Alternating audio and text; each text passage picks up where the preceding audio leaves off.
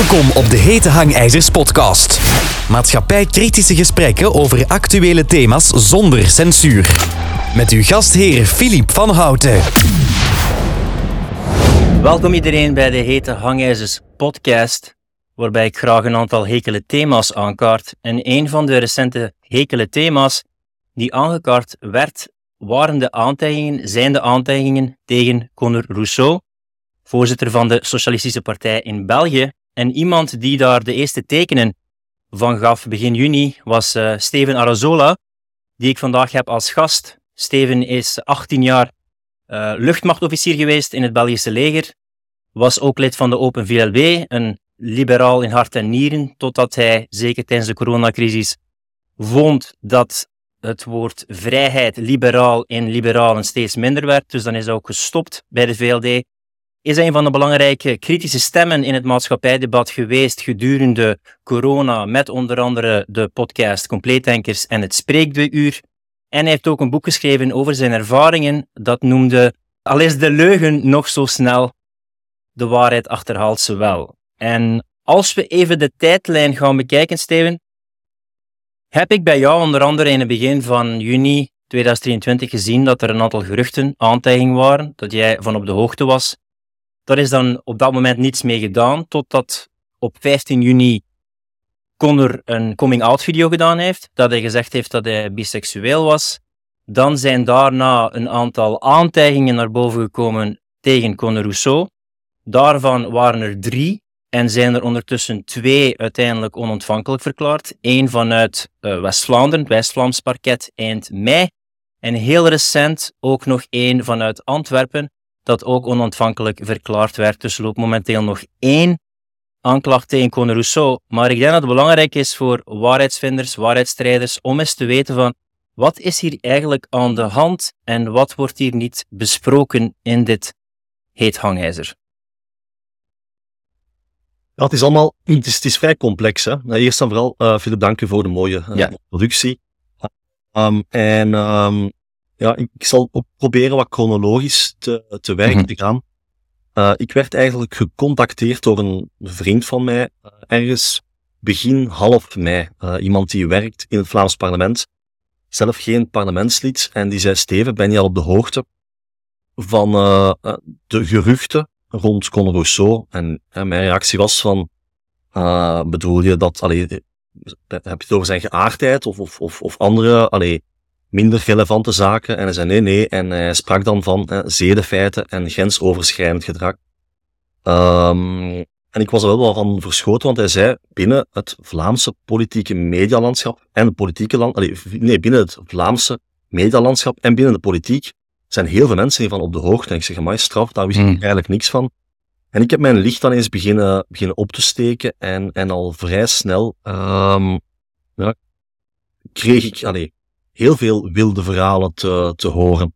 Maar uh, uiteraard is niet omdat je verhalen over iemand hoort, dat je daarmee naar buiten moet komen. Want ik geef toe, uh, ik ben geen fan van, van Conor Rousseau. Dat is ook niet omdat je geen fan van iemand bent, dat je wilde geruchten moet gaan, um, gaan um, ja, um, delen met, met, met, met je omgeving.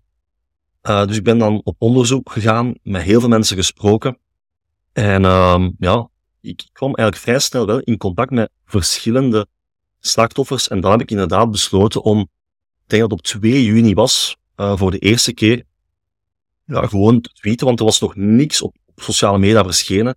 En ik heb toen iets getweet in de trant van, hè, beste media, um, wordt niet, niet eens tijd om hè, de vuile was van de voorzitter van Vooruit um, naar buiten te brengen. Want ik had toen ook al vernomen dat Farouk, dat is een uh, onderzoeksjournalist van VTM, eigenlijk klaar was een ganse reportage met talloze getuigenissen um, om naar buiten te brengen. Uh, het was gemonteerd en, en alles.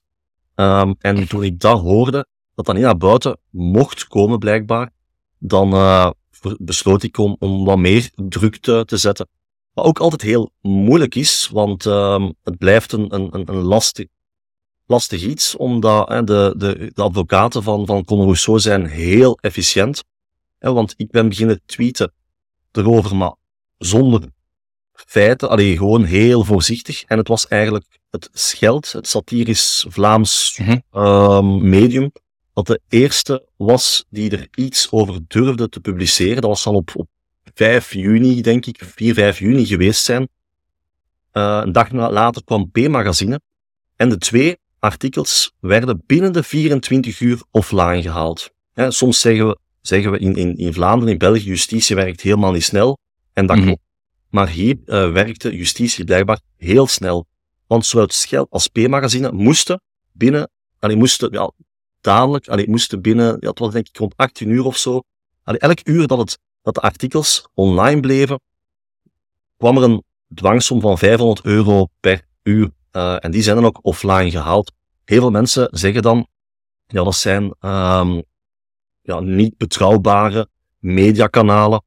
Ehm, maar in het verleden eh, hebben zowel Scheld als P-magazine wel al belangrijke primeurs gehad. En bij P-magazine denk ik bijvoorbeeld aan eh, de situatie rond Chris van Dijk, parlementsvoorzitter, Vlaams parlementsvoorzitter in 2018. Die is moeten opstappen na een artikel uit P-magazine. Bij het Scheld denk ik aan de affaire Delphine Bowel. Denk ik aan, ehm, ja, ook aan de sms'jes van Alexander de Croo. Allee, beide magazines hebben in het verleden al aangetoond dat ze met nieuws komen dat overal wordt weggezet als zever, maar veel later blijkt, ja, helaas, vaak wel bonk op te, op te zijn. In ieder geval ehm, was het frappant dat het zo snel offline gehaald werd. Ehm, en ja, ik begon eigenlijk te merken, al, ik, had, ik had getweet op 2 juni, van en media kunnen jullie naar buiten komen met de waarheid, want verschillende journalisten weten veel meer. Eh, en dan op, ik denk dat het 4 juni was, of 3 of 4 juni, werd uh, Conor Rousseau met meer dan 95% van de stemmen herverkozen eh, als, als voorzitter. En dat vond ik al, al interessant, om, om, om hij, eh, tijdens zijn speech zag hij er al heel moe uit. En voor de, het VTM-nieuws nieuws, sprak hij ook over ehm, het feit dat hij was aangesproken door een vrouw die ehm, hem aansprak eh, over het feit dat hij ja, berichten zou gestuurd hebben. En hij liet toen een ballonsje op van, er zouden blijkbaar valse profielen van mij circuleren die, mm, die ja, niet al te propere content eh, doorsturen. En dat was voor mij het bewijs van, ah ja, oké, hij ziet duidelijk met iets en hij is zijn verdediging al aan het voorbereiden. Toen een paar dagen later de artikels van Scheld en P-magazine zo snel werden eh, verwijderd, ja, dat, dat was ook wel een teken van, wauw, zijn advocaten staan klaar en, en eh, zullen niet tolereren dat er zaken naar buiten worden, worden gebracht. En dan midden juni is er die coming-out video gebeurd van Conor Rousseau, alvorens er nog een officiële klacht was, of niet? God, het- eigenlijk, eh, want je hebt gesproken van verschillende klachten. Wat er nu in de media bekend is, is ehm, er is- is één klacht en twee meldingen. Ehm, het klopt, gelijk je, wat, je, wat je zei was heel juist. Er was een klacht, nee, een melding, sorry, in West-Vlaanderen. Die melding is er gekomen eh, door Farouk, hè, die onderzoeksjournalist van VTM, omdat hij had met zoveel verschillende slachtoffers gesproken eh, en hij vond dit eh, zijn taak, en dat klopt ook, hè, als je in België op de hoogte bent van een misdrijf, is het jouw taak om eh, die naar de bevoegde instanties te brengen. En Farouk heeft dat ook gedaan. Ik moet wel zeggen, van dat dossier ben ik niet op de hoogte. Ik heb dat slachtoffer niet gesproken. Uh, dus ik weet niet wat daar juist is gebeurd. Maar als ik zo wat rondhoor, is het wel frappant. Allee, Farouk is geen dwaas. Als hij een klacht of een melding gaat maken, dan gaat dat niet voor niks zijn. Maar blijkbaar, nadien heeft die persoon zijn, uh, ja, zijn, zijn verhaal ingetrokken bij het gerecht. Wat daar juist gebeurd is, weet ik niet. Er waren, ik heb daar geruchten gelezen in Scheld en P-magazine dat er misschien uh, geld, uh, allee, dadingen zouden zijn gesloten. Maar dat zijn geruchten en ik probeer, uh, ik probeer de laatste weken bij de feiten te blijven. Maar dus die melding van West-Vlaanderen die geseponeerd is, is er gekomen op basis van uh, een melding van Farouk. De tweede melding waarvan je sprak, is ook juist, uh, dat is een, een, melding die is gedaan door een bezorgde moeder van een 17-jarige, allee, van, een, van, een 17-jarige, van haar 17-jarige zoon. Um, dat is een, ik heb de naam al wel helaas zien circuleren op, op sociale media en dat is heel triest, want die, die dame die heeft uitdrukkelijk de wens om om mhm. uit de media te blijven. Uh, niet voor haarzelf, want ze is, ze is een, een, eigenlijk een publiek figuur, maar ze wil haar kinderen, of haar kind, in dit geval, uh, beschermen. Daarvoor heeft zij een brief geschreven naar het parket, en ook hier ben ik weer al verbaasd van de snelheid van, van het gerecht. Ja, want ik heb net al aangehaald, hè, Conor Rousseau slaagt erin om binnen de 24 uur twee artikels offline te halen. Maar ook hier, hè, er, gebeurt een, er komt een melding van een moeder van een slachtoffer. En ja, drie, vier weken later, en nu zaterdag, uh, is het gebeurd, um, is die zaak al geseponeerd. Zonder dat het gerecht de moeite heeft genomen, of het parket, excuseer, zonder dat het parket de moeite heeft genomen om met die moeder te spreken. En ja, dat toont, allee, ik spreek niet graag van een klassejustitie, maar, maar dat zijn toch al, al, al zaken die, allee, die, die niet echt oké zijn. Want ik sprak eigenlijk toevallig ook dit weekend met een, een vrouw en die haar vriendin uh, is, heeft zes, zeven jaar geleden ook een, een, een, een gelijkaardig geval meegemaakt, een gelijkaardige situatie meegemaakt. Die haar zoontje van zes, zeven jaar speelde. Ik dacht dat het Minecraft was, zo'n spelletje. Uh, En daar was haar zoontje van zes, zeven jaar benaderd door ja, uh, een, een, een ja, viespeuk, zeg maar. Die uh, een, een, foto van, die, die foto's van de jongen vroeg, die jongen had ook naaktfoto's doorgestuurd. Die mama heeft dat gelukkig gezien. Die heeft ook een klacht ingediend bij het parket. Um, en zeven, acht maand later kreeg zij van het parket een, een melding, een brief, dat de zaak geseponeerd was. Uh, ten eerste, allee, dat is frappant omdat het duurde 7, 8 maanden. Um, en wat ik minstens even frappant vond, was dat het blijkbaar geseponeerd was, als ik het goed begrepen heb, omdat het versturen en vragen van seksuele content aan minderjarigen in België niet strafbaar is. Uh, ja, effectief. Dat is, allee, ik, allee, toen ik dat las, ik kon mijn, ik, maar pas op, wat ik hier zeg is gewoon gebaseerd op wat die mevrouw me zei. Um, ik heb nadien on, ook wat proberen op te zoeken. Ik ben geen jurist, maar het lijkt effectief wel te, te kloppen. En als dat klopt, dan is het ook ergens helaas logisch dat de melding van die moeder, die ze gedaan heeft in Antwerpen, ook zo snel geseponeerd is, omdat het daar ook gaat over sturen en ontvangen van uh, expliciete foto's, in dit geval op Instagram. Um, maar het blijft dan wel frappant natuurlijk dat het bij Con Rousseau op drie, vier weken wordt geseponeerd. En bij die vrouw van zes, zeven jaar geleden dat daar zeven, acht maanden heeft geduurd vooraleer de, de melding werd geseponeerd. Los van de situatie van dossier Connor moet er misschien wel een keer politiek worden nagedacht over het feit dat het sturen en vragen van seksuele content aan minderjarigen blijkbaar onder straf blijft in, uh, in België. Maar goed, dat was het tweede dossier. En dan is er nog een, dat waren twee meldingen. Als ik het goed begrepen heb, voor mij is dat ook niet, moet ik toegeven, ik ben geen, ik ga het herhalen, ik ben geen jurist, maar een melding gebeurt door iemand die geen slachtoffer is. En het derde dossier, mm. waar de pers van weet, want er zijn nog andere dossiers, maar het derde dossier waar, wat ook al in de media verschenen is, is een klacht die is gedaan ook bij het parket van Antwerpen. Uh, en dan is dan ja, drie, vier dagen later of, of vrij snel nadien uh, verplaatst naar het parket van Oost-Vlaanderen, omdat zowel vermeend, vermeende dader als vermeend slachtoffer woonachtig zijn in Oost-Vlaanderen. Daar gaat het wel om een klacht. Het is daar wel een, meerderjarig persoon. De man is 24 en het zou gaan om feiten van twee jaar uh, geleden. Um, dat is eigenlijk de, dat is tot nu toe alles wat er bekend is in de, in de mainstream media. Er zijn veel meer dossiers, um, maar dat is wat er nu al bekend is. Misschien ook wel duidelijk maken dat um, het gaat hier niet, want ik haal juist het, het pijnlijke voorbeeld aan van die jongen van 6, 7 jaar. Dat is puur in mijn ogen pedofilie. Uh, bij Conor Rousseau gaat het in mijn ogen, met alles wat ik vandaag al weet, niet om pedofilie. Het gaat niet om jonge jongetjes maar uh, blijkbaar heeft um, de politicus wel een, ja, een, een, ja, een voorkeur voor ja, nogal jongere gasten. En dat gaat van 15, 16, 17 jaar tot ja, 2, 3, 4, 24 jaar. Op zich, moet ik het zeggen, is dat. Allez, zo, zo, zo, zo, allee, wanneer jongeren meerderjarig zijn, hebben daar geen probleem mee. Maar uiteindelijk, iemand van 15, 16 jaar, uh, uh, blijft toch wel iets, iets, iets, ja, iets moeilijk, allee, iets, iets, iets gevoeliger, uh, vind ik. Um, Want weet jij wat eigenlijk het onderscheid is algemeen tussen pedofilie en dan grensoverschrijdend gedrag en, en zedenschennis of zedenfeiten? Is, is pedofilie enkel voor um, kinderen jonger dan 12 jaar? Of als de seksuele leeftijd 16 is, is dat alles onder 16 gezien een bepaalde leeftijd? Want net zoals jou wil ik ook hier duidelijk zijn met uh, over welke feiten we het hebben. Want we willen natuurlijk niet meteen alles onder de hoop van pedofilie gooien. Het zou dus vooral gaan rond uh, zedenfeiten en grensoverschrijdend gedrag.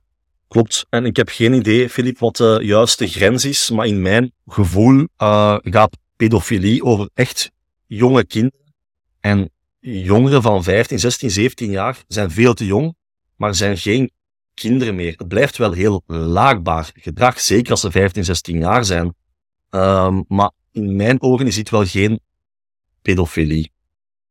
En dit zijn drie, twee meldingen, één klacht dat u van op de hoogte bent. Maar bent u ook nog van op de hoogte van andere klachten, meldingen, feiten die jij weet, maar die niet officieel aangemeld zijn? Voor zover ik kan, voor zover ik weet, zijn er voorlopig nergens anders officiële meldingen of klachten geweest bij het uh, parket. Wel zijn er een heel aantal meldingen binnengekomen uh, bij um, Child Focus. Uh, Child Focus weet van verschillende dossiers. Uh, en ik heb, allee, wij hebben, we zijn met verschillende mensen die echt heel hard op zoek zijn naar getuigenissen, naar, naar getuigen, naar slachtoffers. We hebben nu al, ja, we zitten ongeveer aan elf dossiers waar we nu al een vrij goed zicht hebben op wat er is gebeurd. Dat is niet allemaal, dat gaat niet allemaal over, hoe moet ik het zeggen, over um, ja, zware verkrachting, zeg maar. Maar het gaat wel over, minstens over laakbaar gedrag. En wat we zien, is dat er duidelijk een patroon is. Mm. Um, wanneer Connor zich blijkbaar begeeft naar hè, die jongere gasten, dan lijkt erop dat hij altijd onder invloed is. Uh, onder invloed, ik weet niet wat dat wil zeggen, maar ik vermoed dat dat dan meestal alcohol zal zijn. Nuchter zal hij zoiets nooit doen, blijkbaar. Dus is effectief, blijkbaar, allee, dat is toch wat we vaststellen, dat het meestal op feestjes gebeurt, of op plaatsen waar alcohol of andere zaken genuttigd worden. Uh, dan, het tweede dat we vaststellen is dat eigenlijk hij gaat ervan uit dat iedereen hem aangenaam vindt. En omdat hij zo'n aangenaam persoon is, moet de andere, moeten de andere personen maar instemmen met hetgeen dat hij wilt doen. Uh, als er dan tegenreactie komt, wordt hij enorm kwaad. En dan gebruikt hij zijn, ja, zijn, zijn bekendheid om ervoor te zorgen dat dat niet naar buiten komt. Hij zegt dan, als je hier iets over zegt tegen anderen, zorg ervoor dat jouw ouders uh, zullen ontslagen worden op hun werk. En, allee, als je dat... Zo van, weet je wel wie ik ben? Exact, exact. exact. Uh, er zijn ook een heel aantal, nee, een, heel, een aantal dossiers uh, bij, ja, dingen Bekkantijn of Barkantijn. Dat is een, uh, een, een, een plaats in, in, aan de zee. dat is een een plaats, een socialistisch um, ja, kampoord. Allee, uh, kinderen van socialisten die op, met de mutualiteit op, op kamp willen gaan, gaan daar naartoe. En zijn, Conne zijn vader is daar lang uh, directeur geweest. En al sinds vrij jonge leeftijd is Conor daar uh, ja, leider, kampleider, hoe zeg je dat? en ook daar hebben we al een heel aantal dossiers kunnen vinden. en wat wij nu consequent aan het doen zijn, omdat op sociale media krijg ik enorm veel verwijt. Steven, als je iets weet, kom dan met bewijzen of zwijg. Mm ik snap die kritiek. Ik zou dan misschien zelf, zelf ook uh, zeggen, moest ik zoiets lezen. Maar wat we nu aan het doen zijn, is zoveel mogelijk slachtoffers aan het spreken, uh, een dossier uh, samenstellen. we vragen aan die mensen om het, ja, om het in te spreken of op camera te, te zetten of op papier te schrijven. En we willen zo'n dik dossier om binnenkort daarmee naar buiten te komen dat de media wel moet volgen. Want vandaag gebeurt het helaas niet, want we zitten met de vraag waarom brengt Farouk zijn reportage in naar buiten. De reportage was af en het ging niet om twee, drie slachtoffers, het ging om veel meer slachtoffers. Het tweede dat daarnaast, dat erbij komt dan, is, het was, want jij sprak daar straks inderdaad van die 15 juni. Uh, op 15 juni is de, de video, uh, van, is de video van de coming out naar buiten gekomen. Uh, en toen is het wat meer in de media verschenen. En ook op VTM-nieuws, het journaal of het VTM-nieuws van 19 uur, werden veronderstellingen gemaakt uh, door de nieuwslezer. En twee dagen later werd die uitzending van VTM Go verwijderd. Dus VTM Go is blijkbaar een platform waar je mm -hmm. journaals kan terugbekijken. En dat toont toch ergens aan, het zijn geen bewijzen, maar het is toch wel frappant dat zulke zaken offline worden, worden gehaald. Langs de andere kant moet ik ook wel zeggen, ik heb de laatste vijf, zes weken met enorm veel journalisten van bijna alle kranten uh, gebeld en gesproken. En je hebt echt wel een aantal journalisten die er ook hard aan werken en ook op de hoogte zijn van verschillende uh, dossiers. En die, die, want die hebben mij eigenlijk spontaan gecontacteerd, omdat ik een paar keer vrij hard heb uitgehaald op Twitter, omdat ik mij de vraag stelde van journalisten, waarom doen jullie jullie werk niet? En bij Dries van Langenhoven en bij Bart de Pauw konden meer dan niet snel genoeg zijn om, om de persoon die nog niet veroordeeld was te beschuldigen. En, en hier uh, moet er blijkbaar in alle talen gezwegen worden. Um, maar die journalisten laten me weten dat ze echt hun best doen om ja, feiten te verzamelen, maar dat het allemaal heel uh, delicaat ligt. En daarom zijn we met een aantal mensen hard aan het werken om een dossier samen te stellen dat zo sterk is. Um, en dan gaan we dat ofwel zelf een reportage maken, of, of stappen naar VRT of, of naar een journalist. Dat zijn we aan het bekijken, op welke manier we het juist willen doen. Maar, en dat ligt in mijn aard, als ik onrecht zie, dan hm. moet ik daarop reageren. En ik ga dit niet laten rusten, vooraleer elke Vlaming weet wat voor een persoon Conor Rousseau echt is. Want het is niet oké okay wat die man doet, of zich denkt te mogen permitteren. En ik wil niet in een land leven waar we zo'n politici ja, aan het roer hebben staan. Ik weet ook dat bij zo'n kwestie uh, schuld en schaamte vaak een hele grote rol speelt. Ik heb ook iemand. Uh, uh, er was eens in mijn familie iemand die ook jonge jongetjes vooral aantrekkelijk vond. En ehm, die heeft ook bepaalde dingen met mij geprobeerd. Ik heb altijd die grens bepaald. Dus met mij is niets gebeurd. Maar toen hebben mijn ouders mij de vraag gesteld. En ik stel echt voor dat andere ouders ook deze vraag stellen van... Zeg, heb jij ooit bepaalde dingen gedacht dat hij uh, geïnteresseerd was in jonge jongetjes of seksueel interesse had? En toen heb ik gezegd van ja, ik heb altijd al dat vermoeden gehad. Maar ik, voor dat heb ik nooit dat gesprek gevoerd met iemand, omdat mij die vraag nooit gesteld werd. Dus het kan ook nuttig zijn voor luisteraars of kijkers van als jouw kind uh, op reis geweest is met Conor Rousseau of op een jeugdkamp geweest is, stel gewoon de vraag van heb jij ooit bepaald grensoverschrijdend gedrag gezien of bepaalde dingen met jonge jongetjes dat niet oké waren en open gewoon misschien niet eens gesprek.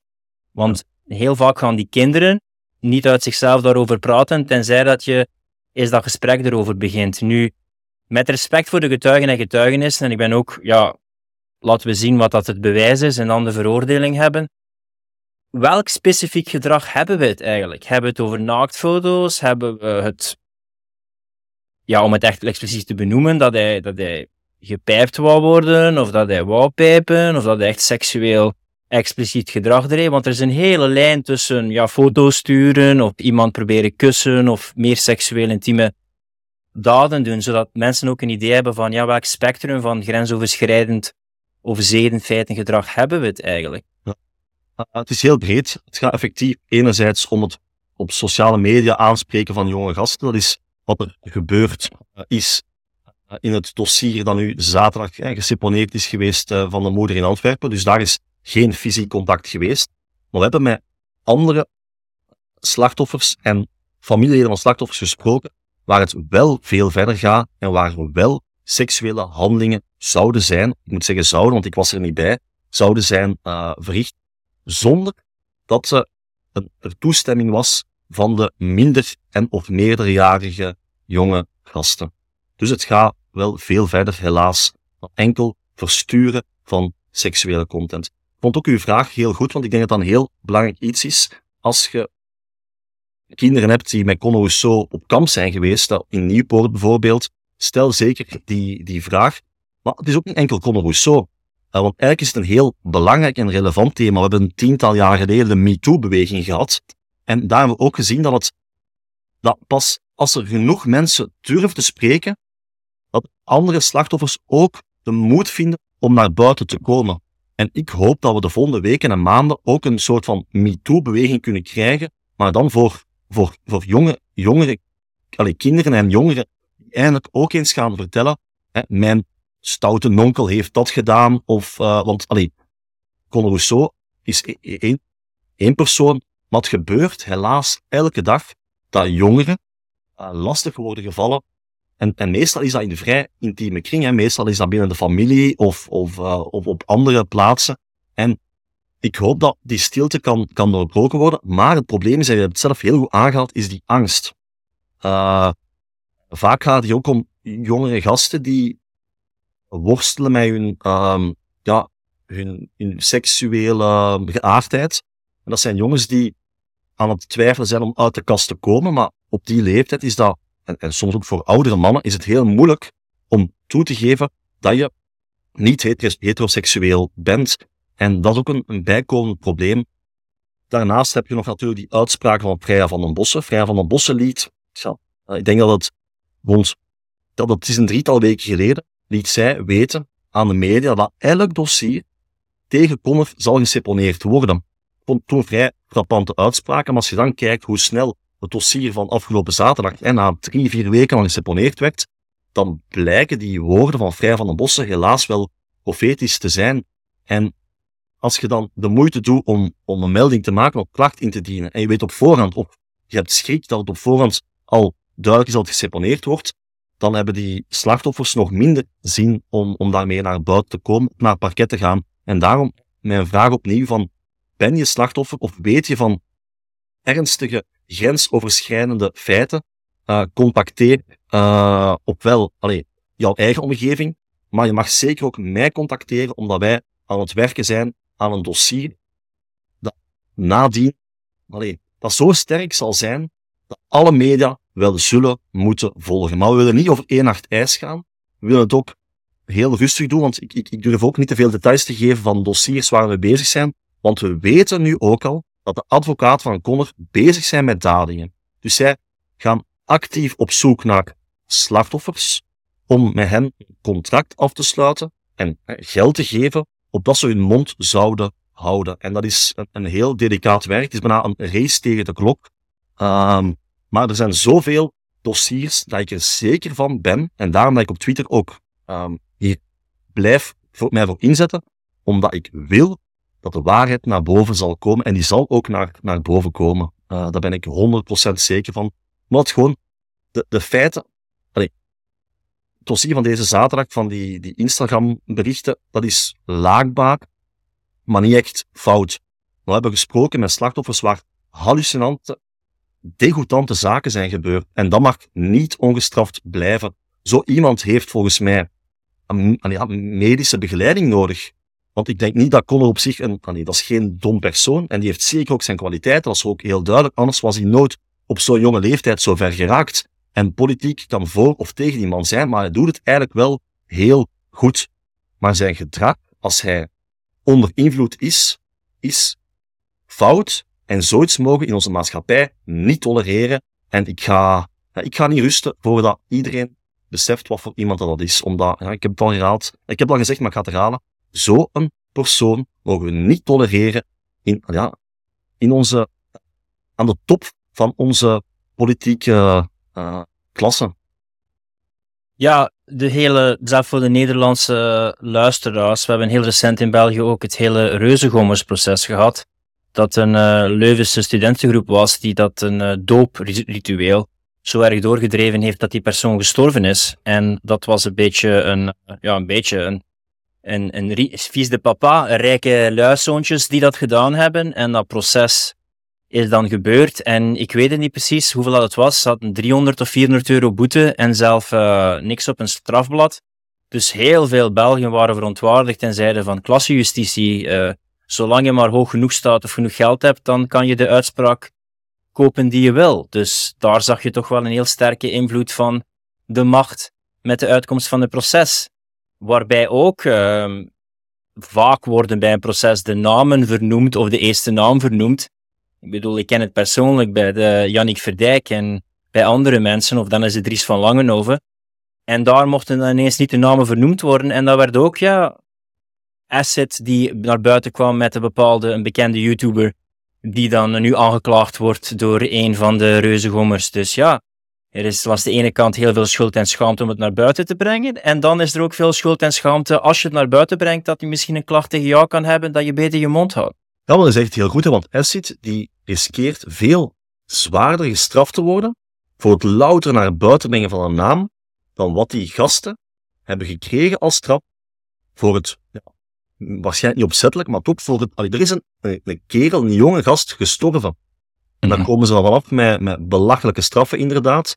Uh, goed, ik ken daar geen details, dus ik kan daar moeilijk over oordelen. Maar wat ik, waar ik wel over mag oordelen, vind ik, is de, de, de potentiële straf die die YouTuber uh, zou kunnen krijgen, gewoon voor het bekendmaken van die, van die mensen. Dat is, ja, het ook aanbouwt dat er in ons systeem in, in België, uh, dat het, dat effectief, helaas, als je wat meer centjes hebt, dat je iets meer kan, kan permitteren.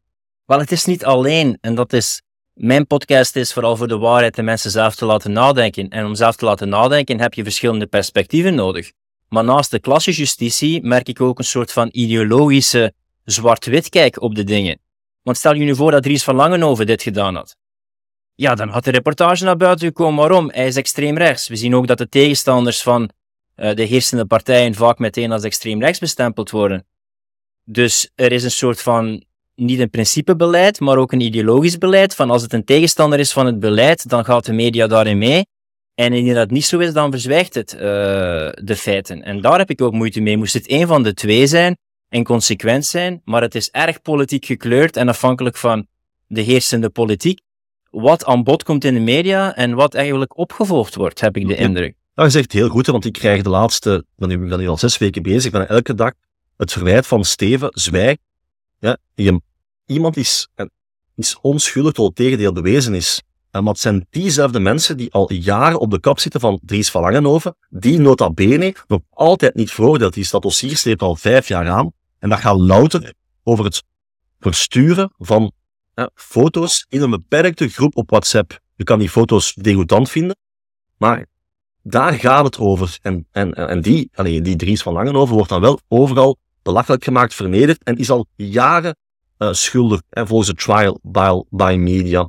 En ik vind het principe van je bent onschuldig tot bewezen is een gigantisch belangrijk principe, maar um, hier in het, in het geval van Komme heb ik de indruk dat er wel moet gesproken worden, en daarom dat ik dat ook doe, omdat het anders allemaal onder de mat zal geschoven worden. Uh, omdat we zitten met allee, heel goede advocaten, die blijkbaar heel goed zijn in het ja, toedekken van, van, bepaalde, van bepaalde zaken.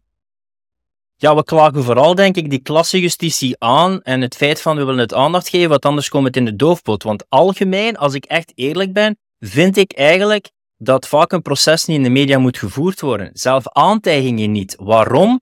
Omdat vanaf dat je aantijgingen doet naar iemand, dan is voor een stuk al een mens besmeurd. Dat krijg je er niet meer van af.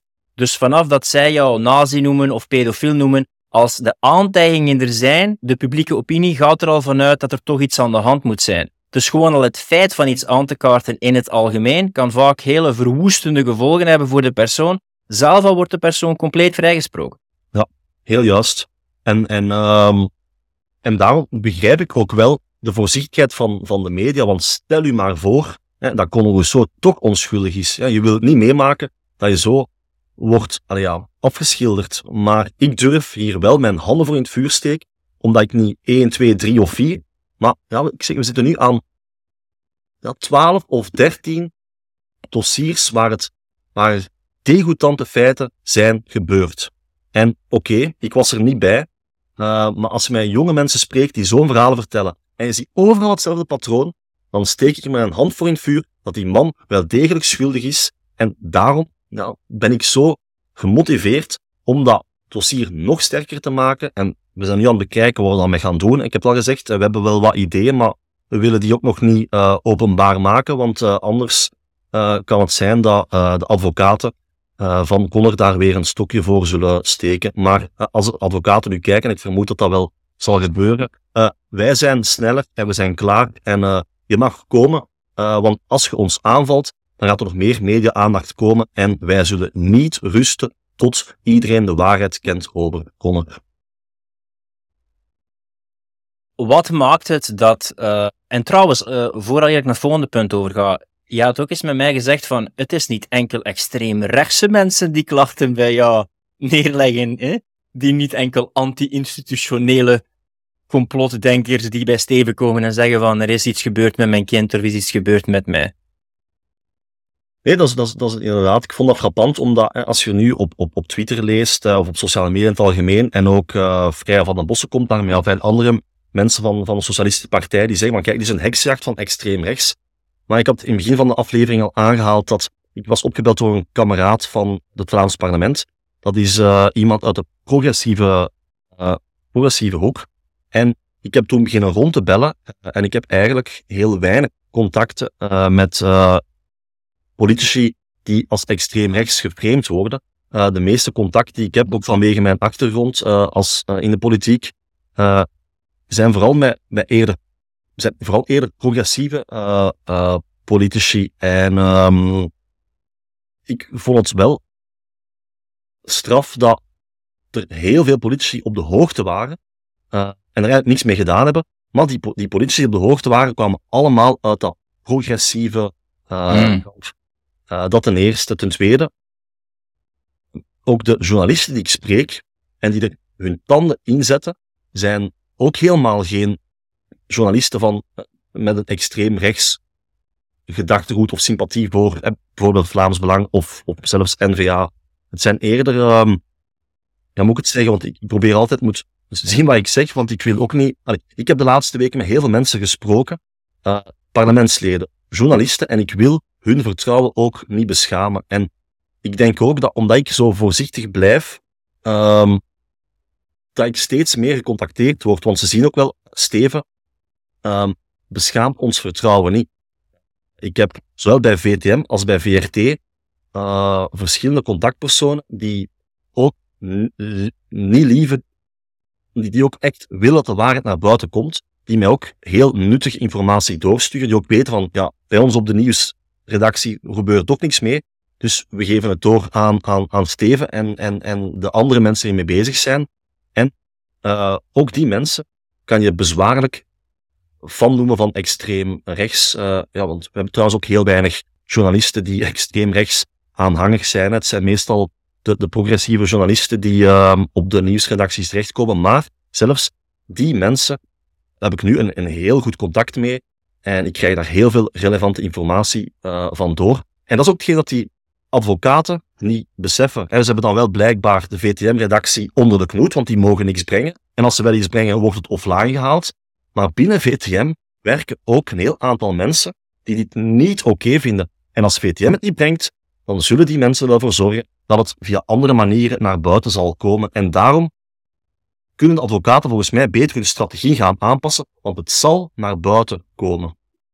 Ik vind het eigenlijk bizar zelf dat, uh, ja, als we het extreem rechts noemen, of als we het uh, conservatief rechts noemen, zoals uh, eh, N-VA, ik vind het eigenlijk bizar dat die partijen zelf dit niet ondersteunen of in vraag stellen. Want dit zou hen veel potentiële politieke punten kunnen opleveren van een belangrijke tegenstander neer te halen. Kan je voorstellen dat Trump of gelijk wie of Biden dat dit verhaal er is, ja, dan zouden oppositiepartijen er meteen gebruik van maken om die insinuaties te voeden. Dus ik vind het eigenlijk voor een stukje bizar dat eigenlijk de oppositie er, er, er ook niet over praat.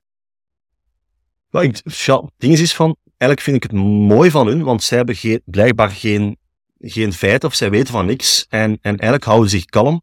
Wat eigenlijk aantoont dat die linkse roeptoeters, want daar gaat het wel om, het zijn nu eigenlijk op sociaal, sociale media ik word vooral aangevallen door echte ja, fans van, van Conor Rousseau en van het mm links gedachtegoed. En zij zitten constant te, te roeptoeteren dat het aanval is van extreem rechts. Maar er is geen enkele, gelijk je terecht aanhaalt, geen enkele politicus van een rechtsere want ik gebruik nu zelf constant extreem rechts, terwijl Mm. ik, ik vind die, die term niet heel, heel, heel correct. Ehm, er is geen enkele politicus, tenzij ik mij vergis, van uh, rechtse signatuur die iets over dit dossier heeft geschreven op, op sociale media. Dus het komt helemaal niet uit, uit, uit die hoek. Uh, maar, en ik vind ook wel netjes van hun dat ze daar ver, van, ver weg van blijven. Trouwens ook los van dit dossier, als je dan keek naar de reacties op sociale media, op de outing van, van Connor, uh, daar werd heel anders naar gekeken dan naar de uh, outing van, ik denk dat, het, dat hij Chris Janssens noemt, dat is een, uh, een parlementslid voor, voor Vlaams Belang, uh, die, ja, ik denk een jaar of twee, drie geleden, maar ik kan wel vergissen hoor, maar uit de kast kwam en toen werd daarop gereageerd van hoe schandalig is dat, hè, dat iemand zijn outing gebruikt om, om, om, om stemmen te ronselen, terwijl dat dat, allee, volgens mij toen niet het geval was, maar hier werd toch heel anders gereageerd. Dus een, een links politicus krijgt in Vlaanderen blijkbaar toch veel meer krediet van de media iemand die eer als rechts bestempeld wordt. En ik vind wel dat ik dat kan zeggen, want ik kom zelf uit een iets meer, allee, VLD vandaag toch zeker, uh, is meer links-progressief dan, dan rechts. Ik, ik ben altijd wel ook binnen de VLD meer een, een donkerblauwe liberaal geweest. Ik ben ook iets meer conservatief, ook op, op, op ethische thema's. Um, maar, um, nou. Nu, we hebben ja, het tragische geval voor een stuk waarbij Bart de Pauw geïnsinueerd werd van een aantal uh, ongepaste sms'jes te sturen. We weten nog altijd niet voldoende wat er aan de hand was. Maar vanaf dat dat bekend was, werd hij meteen ontslagen door de VRT. Dus daar werd niet afgewacht van we wachten het proces af, we kijken wat het bewijs is en dan nemen we een conclusie. Nee, dat werd meteen een conclusie gemaakt en een proces in de media gedaan. We hebben het ook gemerkt met uh, ja, Lies van Langenhoven, met die sms'jes, dat ook blijkbaar nog altijd loopt, zoals u zegt, ben ik zeker ervan. En dan hebben we het ook gemerkt met uh, Yannick Verdijk, de goudhandelaar die s'morgens om uh, in zijn bed doodgeknald is door de speciale diensten van uh, Franstalig België. En ja, dat daar ook meteen een proces in de media gedaan heeft en hoe concreet waren die dingen zonder dat er effectief bewijs was, of dat naar buiten gekomen is, nog steeds nu. Oké, wat is daar precies gebeurd en was deze actie eigenlijk in proportie tot het bewijs? Maar daar werd een compleet ander pad gekozen dan dit pad. En dat is ook weer waar ik problemen mee heb. Het is een compleet ander discours en andere behandelingen in die geval dan in dit geval. Klopt. Uh, ik heb die vraag ook gesteld hè, aan journalisten. Uh, um, zeker, want zeker, ik vind het, de gelijkenis met Bart de Pauw vind ik heel uh, frappant.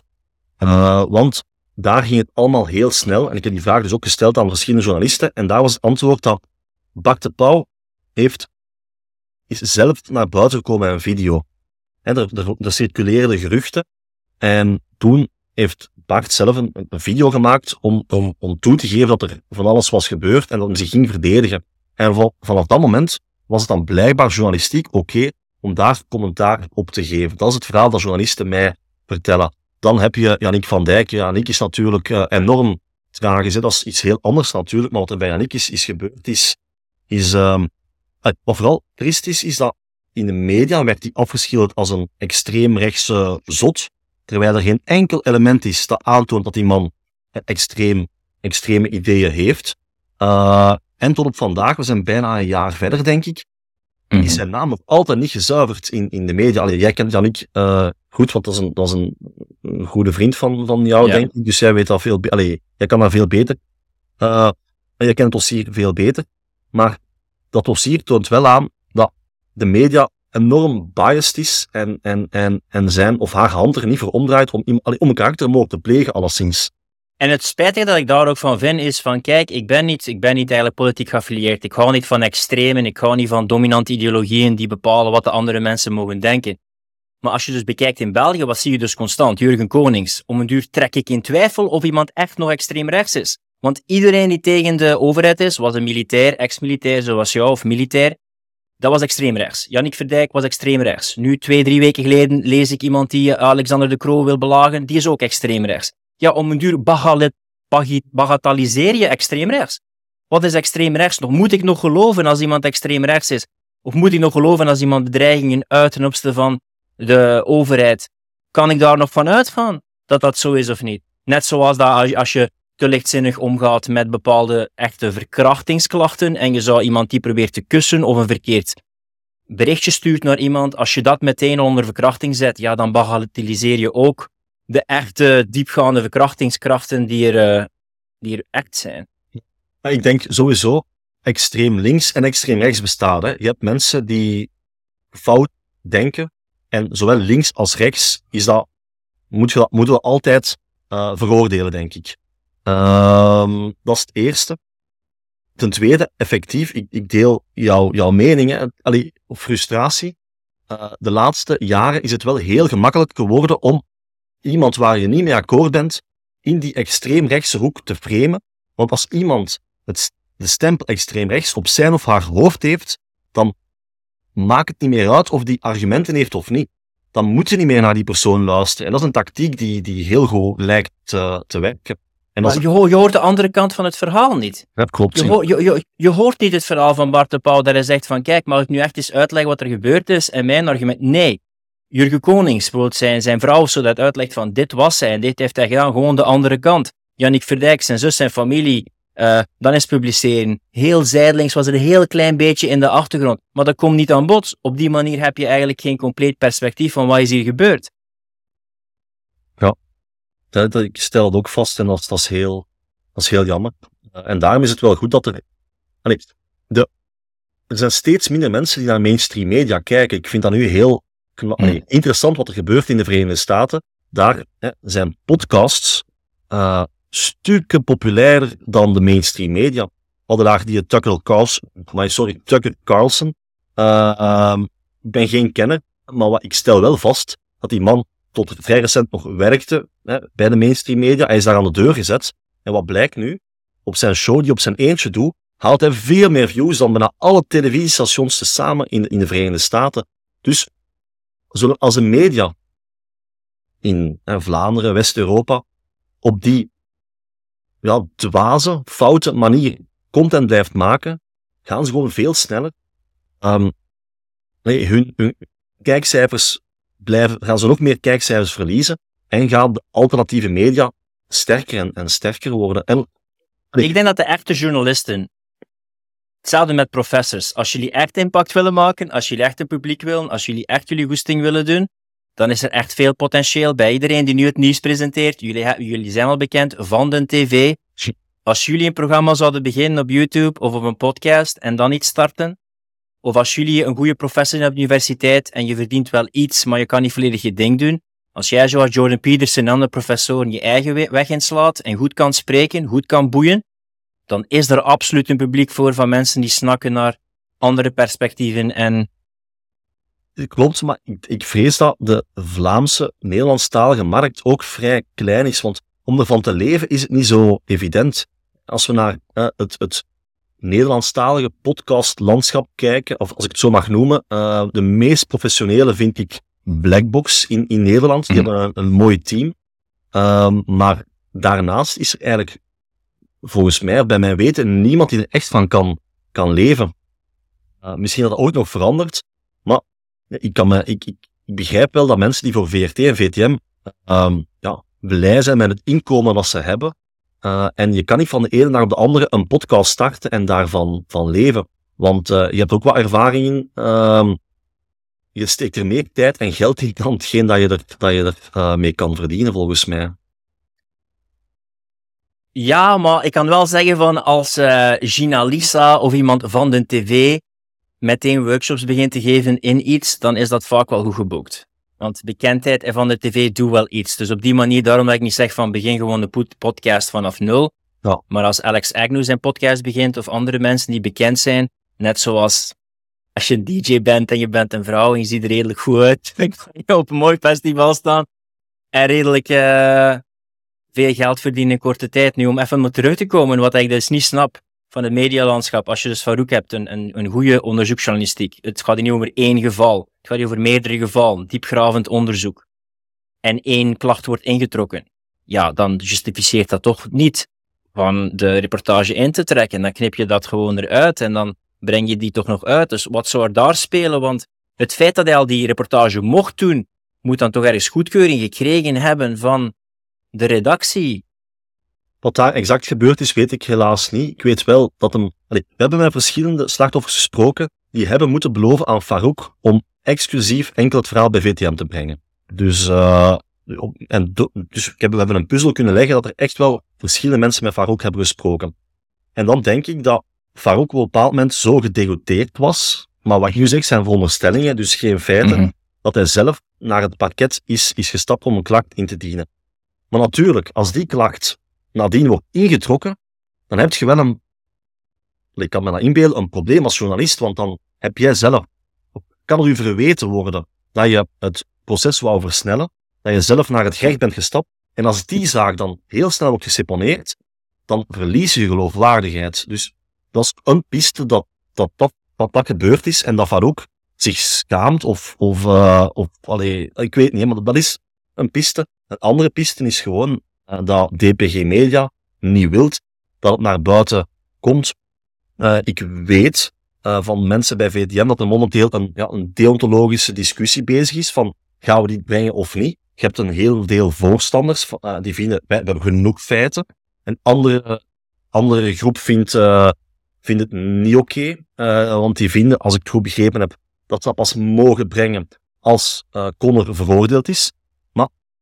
Als het, hoe het er nu vandaag naar uitziet, en er komen niet meer dossiers, wordt Connor nooit veroordeeld. Want er is nog één klacht lopende.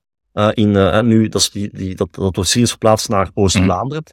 Dat gaat ook. Ik heb ook geen contact met dat slachtoffer, dus ik weet niet wat daar is, is gebeurd. Ik weet wel uit de media gewoon dat het gaat om een 24-jarige man die twee jaar geleden een liefdesrelatie zou hebben gehad met Connor. En ja, dat vind ik natuurlijk delicater, want je hebt heel veel mannen en vrouwen uh, die uit elkaar gaan. En het gebeurt helaas nogal vaak dat een partner die zich gekwetst voelt, uh, een klacht gaat indienen om een andere persoon uh, te kloten. En, en daar blijft het altijd woord tegen, tegen woord. Dus wat, wat, daar gaat gebeuren en wat daar de feiten zijn, weet ik niet. Maar de kans is eigenlijk ook wel redelijk groot dat het dossier uh, zonder gevolg zal geclasseerd worden. En misschien is dat ook terecht. Misschien heeft Connor daar in, bij die man niks fout gedaan, want die hadden effectief een relatie blijkbaar. Maar als dat gebeurt en er gaat niemand meer klacht indienen, dan wordt Connor niet veroordeeld. En bij VTM hebben ze nu blijkbaar het principe van als iemand niet is veroordeeld, dan gaan we dat niet brengen. En dan verdwijnen al die getuigenissen, dan verdwijnt die sterke reportage van Farouk en van Farouk en dan gaat nooit iemand weten hoe de volk echt aan de steel zit. En daarom zullen, wel, zullen de burgerjournalisten, waar ik mezelf dan tijdelijk even eh, bijreken, wel het nodige doen uh, om zoveel elementen bij elkaar te brengen. En binnenkort gaan we op een bepaalde manier dan naar buiten brengen, dat iedereen gaat zeggen van, wow, dit is niet oké. Ten tweede gaat in mijn ogen de mainstream media dan totaal gefaald hebben, want ze hebben de kans gehad de laatste zes, zeven weken om het ook te brengen. Elke krant, elke televisieredactie is op de hoogte van ja, bepaalde hallucinante feiten en ze weigeren te brengen. En ja, mijn bedoeling is dan om te tonen hoe ja, dat de media gewoon haar werk niet doet. Want ik zie de media als de vierde macht. Um, maar de laatste jaren hebben we al gemerkt dat die, dat die hun taak niet meer naar behoren uitoefenen.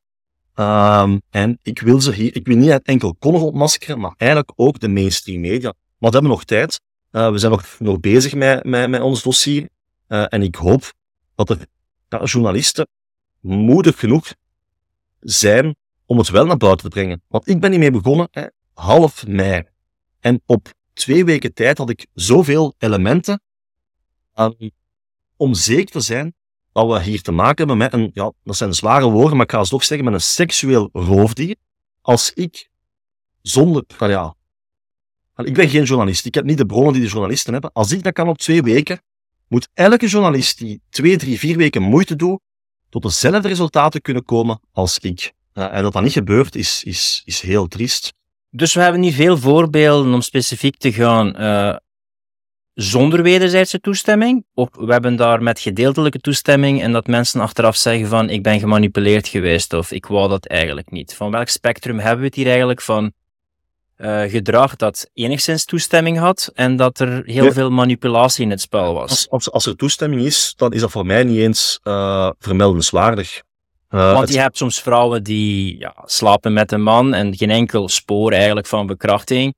Uh, maar ze zei dan, ja, ik heb te veel gedronken of hij heeft mij gemanipuleerd en dat dan spijt heeft, ja, week, twee weken, drie maanden, zes maanden later. Het, het is niet zo'n geval. Uh, nee, allee, nee, nee, het gaat, het gaat echt om, allee, ten eerste zitten we met minderjarigen, meestal met echt minderjarigen of ja, meer kwetsbare uh, mensen. Hè. Want uh, ook bij, uh, bij Kantijn, maar in, in, um, aan de zee, daar werden ook jongeren geplaatst die ja, uit kwetsbare gezinnen kwamen of veroordeeld werden. Dus het gaat echt vaak om, om kwetsbare mensen. Um, en ik vind een dossier pas relevant als het gaat dat er geen toestemming is. Uh, want je haalt, pas op terecht, hè, het dossier aan van mannen en vrouwen, dat vrouwen weken later klacht gaan indienen. Uh, pas op, het is moeilijk om daar uitspraken over te doen, want soms zullen er wel mannen zijn die veel te ver gaan. Uh, dat is een heel, heel moeilijk domein, want ik had er vorige week nog over met een, een kameraad van mij die een, een, vrij bekend advocaat is en die eigenlijk constant blijkbaar dossiers bijna moet weigeren van, van vrouwen die klacht komen indienen uh, omdat ze zouden zijn aangerand. Maar blijkbaar kan je er als advocaat ook heel makkelijk doorprikken. Want ofwel heeft het te maken met, met feit dat ze uh, geld ruiken uh, of iemand schade willen berokkenen. Pas op, wat ik nu zeg is ook niet voor alle dossiers, hè, want ook daar, MeToo was ergens wel terecht. En ook vandaag nog. Elke dag zijn er vrouwen die, die aangerand worden. en, en ook daar moet meer aan. Pas op, het is een hele moeilijke. Uh, het is een moeilijke lijn, denk ik soms. want inderdaad, want, want, want verleiding is voor een stuk uh, een, een, een, risico nemen uh, om de stap te doen. Ja. van verleiding, de stap in het ongewisse met respect voor grenzen. Maar soms is het, ja, de verleiding is de, is, is de stapwagen, weet je, met de kans je publiek te verliezen. Ja, want heeft ook negatieve gevolgen gehad. Dus er, zijn, er zijn goede dingen aan geweest voor een stuk, denk ik, dat wat dat hier gebeurd is op een niveau dat personen met veel autoriteit, met charme, met een status, met bekendheid, dat die zoveel aandacht krijgen dat die heel makkelijk macht kunnen uitoefenen en gebruik maken en misbruik maken van situaties. Zowel mannen en vrouwen, dit gebeurt in alle soorten milieus, niet alleen in de politiek. Langs de andere kant kan je ook heel makkelijk, zeker bij mannen, hun reputatie vernietigen. Het uh, proces van Andrew Tate uh, loopt nog. Men heeft ook Julian Assange proberen te betrappen, andere mensen met te zeggen van kijk, hij heeft proberen uh, mij te intimideren, te verkrachten, et cetera. Dit kan ook als tactiek, spijtig genoeg, ja. gebruikt worden om iemand zijn reputatie te vernietigen of, of, of geld te krijgen of, uh, of in de aandacht te komen. Ja, klopt.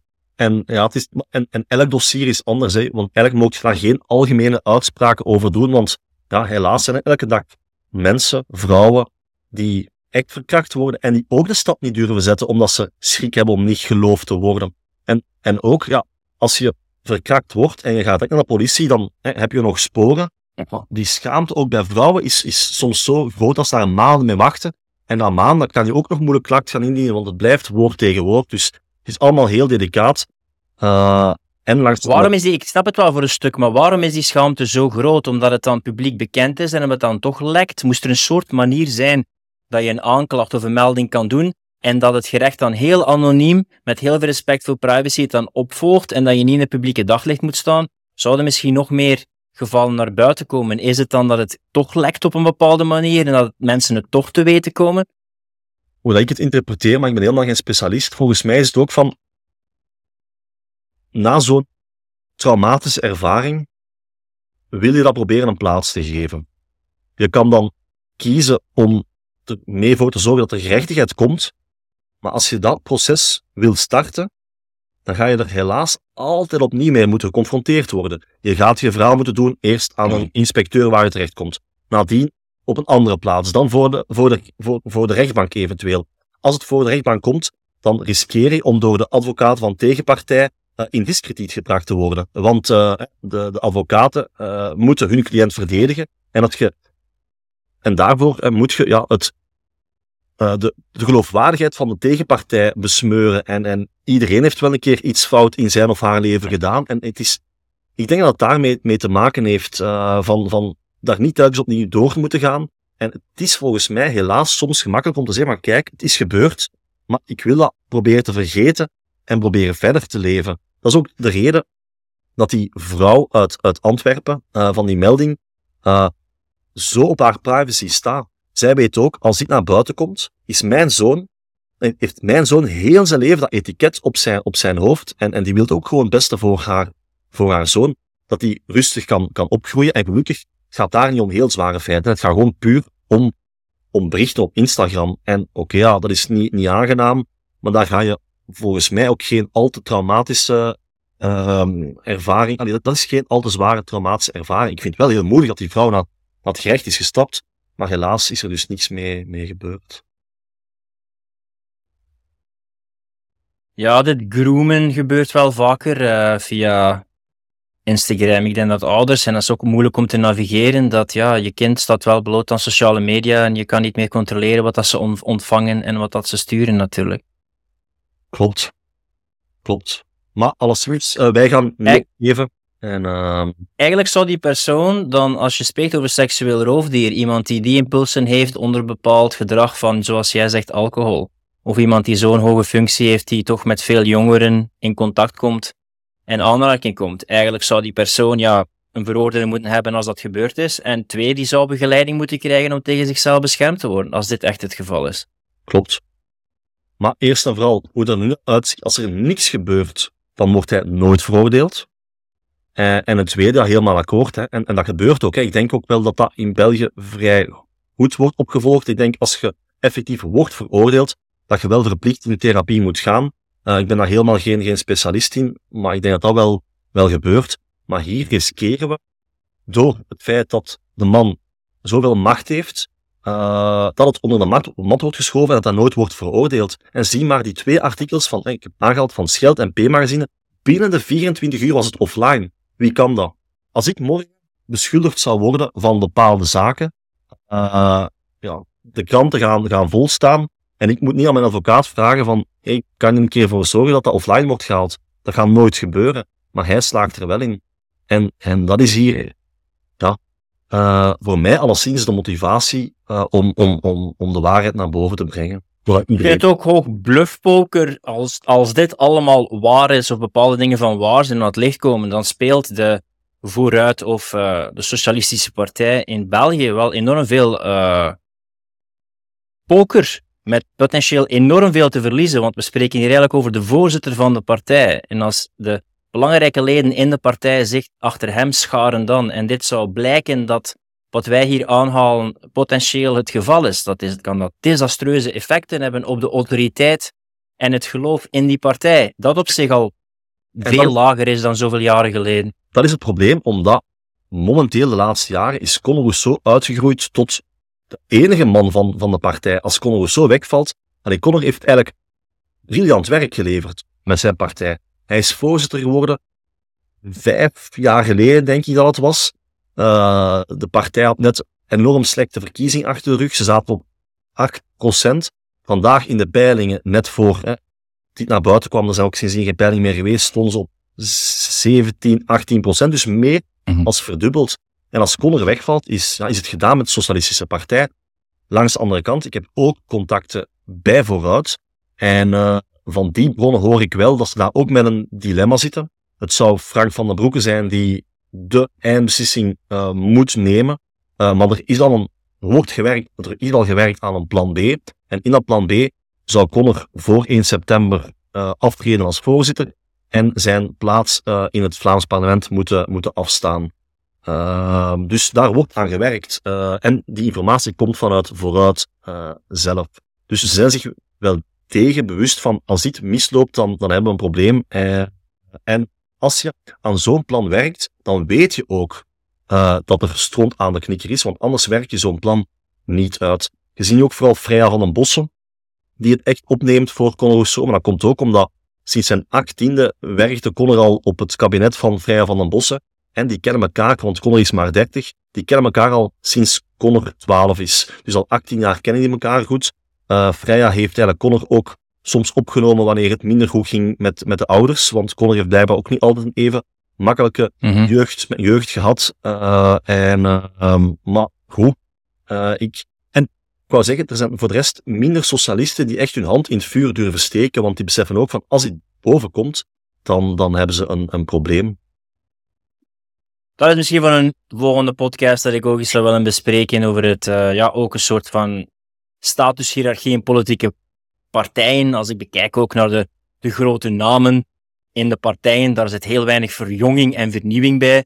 Bij de Vooruit, Frank van den Broeke, Freya van den Bos, uh, Caroline Genet, dat, dat, dat zijn sommige figuren van uh, 10, 20 jaar geleden dat er zitten. Er zit enorm weinig vernieuwing bij. Dus ik denk ook een oproep voor die, die, die mensen in de politiek die echt verandering willen hebben, echt vernieuwing willen, die echt gedeelde beslissingen willen, zoals wij ook gedeeld nieuws willen dat de waarheid naar boven brengt, dat ook belangrijk is van die mensen om daar ook inspraak op te hebben en niet een aantal mensen in het nieuws, in de politiek of in andere kanalen beslissingen te laten nemen zonder dat er inspraak is. Maar ik ben akkoord, maar ik denk wel dat de laatste jaar eigenlijk aan beter was, want een goed voorbeeld was net Conor Rousseau, heel jong uh, en eigenlijk uh, heel goed werk geleverd. Uh, je hebt bij de Franstalige liberale Boucher, die ook best jong is, die het eigenlijk ook goed doet. En nu bij CD&V doet Sami Madi het ook niet, niet heel slecht. Dus ik denk wel dat die verjonging is, is ingezet. Maar de vraag is natuurlijk, eh, wie heeft de echte macht? Uh, ik heb dat... Allez, ik ken enkel Open VLD redelijk goed. En, en, en ja, wat ik daar heb gezien is dat wie ook de voorzitter is... Het is niet de voorzitter die, het, die de richting bepaalt. En, en dat zal iets zijn dat waarschijnlijk niet al te snel gaat veranderen in, in België of Vlaanderen. Voor mensen die dat meer informatie hebben of die zelfmelding willen doen of getuigenis willen doen en, en graag die informatie aan jou doorgeven, waar kunnen ze in contact uh, met jou komen? Uh, ofwel via Twitter moesten ze op Twitter zitten, uh, ofwel via mail en dat mag gestuurd worden naar info.stevenschrijft.be. En ik wil echt benadrukken dat ik elk dossier heel, um, allee, als iemand vraagt om de namen niet te delen of, uh, of anoniem, of die persoon wens anoniem te blijven, ik ga ieder zijn of haar wens uh, respecteren, uh, omdat ik begrijp hoe, hoe belangrijk het is. Maar voor hetgene wat we naar buiten willen brengen, in, in plaats van die 12, 13 dossiers dat we nu hebben, wil ik er 30 of 40. en ja, dan wordt het wel heel moeilijk om het allemaal onder de mat te schuiven. Dus mail mij, contacteer mij info.stevenschrijft.be. En uh, um, de volgende weken werken we verder, rustig verder, uh, om dan uh, ja, met een atoombom naar buiten te komen. En wat zal specifiek gebeuren met die meldingen en klachten? Jij probeert ze dan te bundelen en bekijkt dan met de personen van wat de volgende stappen zijn? Of? Wat eerst is, allee, ik kan enkel iedereen maar aanraden, en dat, dat moet iedereen denk ik doen als, als, als, als, als, als, als burger, om naar het gerecht te stappen. Uh, dat eerste wat ik ook zal, zal proberen, dat kan via een, een melding, dat kan via een brief. Um, maar blijkbaar is er bij velen nog, nog, nog uh, allee, die stap te groot. En daarom willen wij alles verzamelen en we hebben een bepaalde strategie voor ogen om, het, um, om ervoor te zorgen dat politiek en media er iets mee moeten doen. Uh, we werken bijvoorbeeld met we vragen uh, de slachtoffers om alles op, op, op papier te schrijven, met uw naam of, of zonder uw naam, maar wij weten al wel wie erachter zit. Uh, en dat zijn we nu aan het verzamelen om ja, zo'n sterk dossier te hebben dat we op een bepaalde manier naar buiten zullen brengen. Opnieuw met respect voor uh, de anonimiteit van de slachtoffers. Um, um, maar ik kan nog niet. Ik wil ik, ik wil nog niet laten weten wat die strategie is. Uh, ik heb al aangehaald omdat anders de advocaten van, van de Connor uh, misschien uh, er een stokje kunnen, kunnen voorsteken. Ja. Oké, voor alle luisteraars en voor alle kijkers, heb jij een kind dat in contact geweest is met Conor Rousseau of een, een oudere jongen die in contact geweest is met Conor Rousseau recent of een aantal jaren geleden? Open misschien in het gesprek of dat uw zoon of dochter, misschien is het vooral zoons geweest, bepaald gedrag gezien heeft, meegemaakt heeft dat ongepast was, dan kan je het altijd doorgeven aan Steven. Je ziet er ook de kracht van de getallen. Dan voel je je niet alleen, dan weet je dat je niet alleen staat. Of dan kan je misschien eens met Steven praten en inchecken of dat bepaalde andere dingen uh, die dat bij jouw zoon voorgekomen waren, dat die ook voorgekomen is bij andere kinderen. En dan uh, weet je dat je niet alleen staat. Dus neem dan contact op met uh, Steven en op die manier kunnen we zorgen dat het dossier groeit. Bedankt Steven om eigenlijk het werk te doen dat uh, onderzoeksjournalisten zouden moeten doen, gedaan hebben zoals Farouk, om de waarheid te zoeken. En laten we hopen dat net zoals jouw boek dat de leugens zoveel mogelijk op de achtergrond kunnen blijven, maar uiteindelijk zal de waarheid wel zevige vieren. Uh, veel moed en veel succes gewenst bij uh, het fantastische werk dat je doet. En laten we hopen dat er meer mensen binnenkomen die een verhaal delen, zodat het dossier kan groeien. Merci, Steven. Dankjewel, Filip. Merci, gezien. Vind je het leuk wat we doen en wil je het vrije woord ondersteunen? Ga dan naar hetehangijzers.com steun en word lid of doneer, zodat we onafhankelijk open gesprekken kunnen blijven voeren. En wens je meer impact en meer vrijheid te creëren als coach? Ga dan naar clientcloser.com start en ontdek hoe jij misschien onze volgende rebel met een missie wordt.